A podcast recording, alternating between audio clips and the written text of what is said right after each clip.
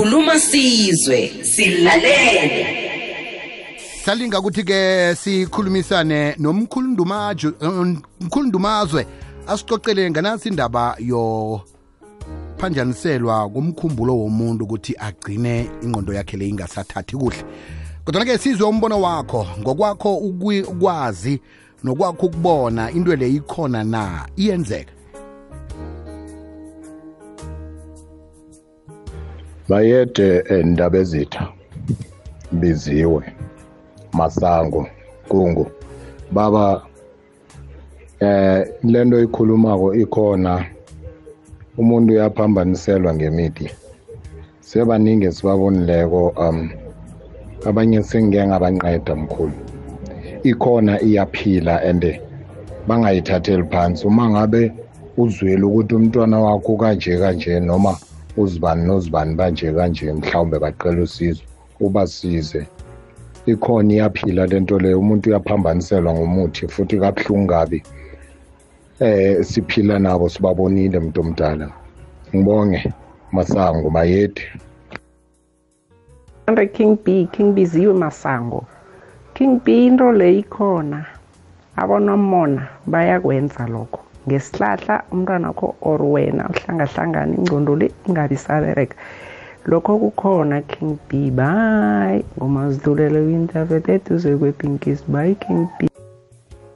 Yabona biziwe ngenxa yesandla somuntu siphambaniselwe khulu.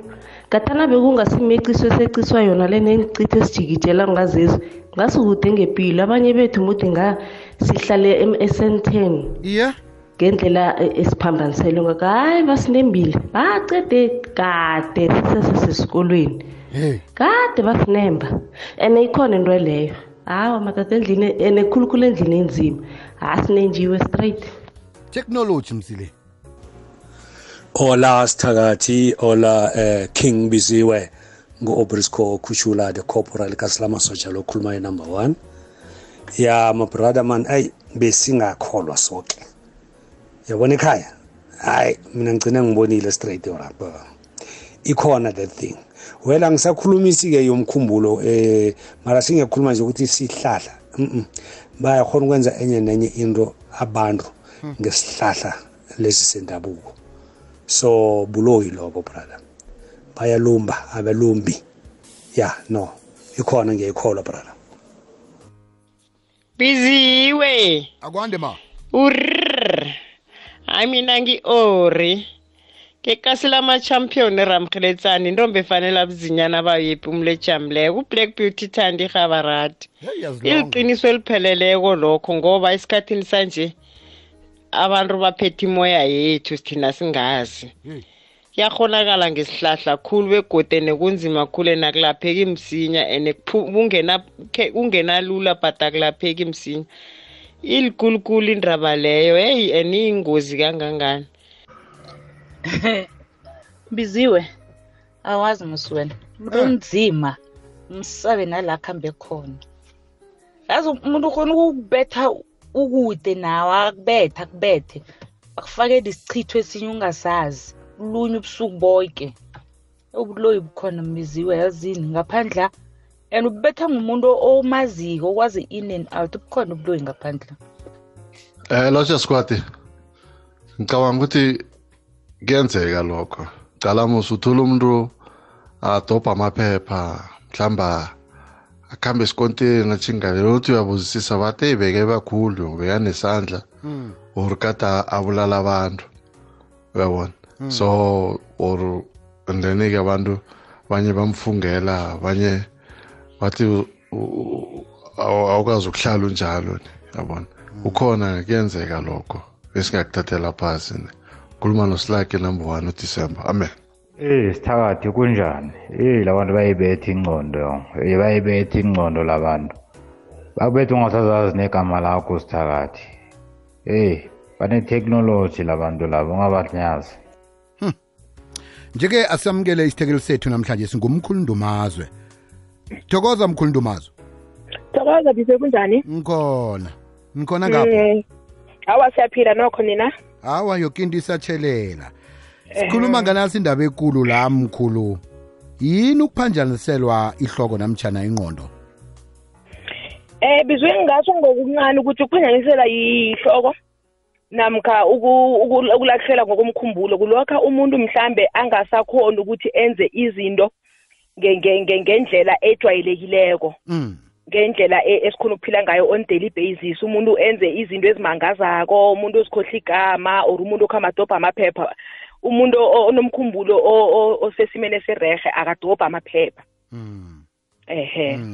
Njeke kuyenzeka ukuthi lokho kwenzeke ngesihlahla ngombana nasikhuluma eh, ngengqondo yomuntu sikhuluma ngento eh, into esebenza nge-psychology. Umuntu lapha kude le omunye asithi mhlawumbe omunye ungakwadlawulale omunye ungapha ngejohannesburg.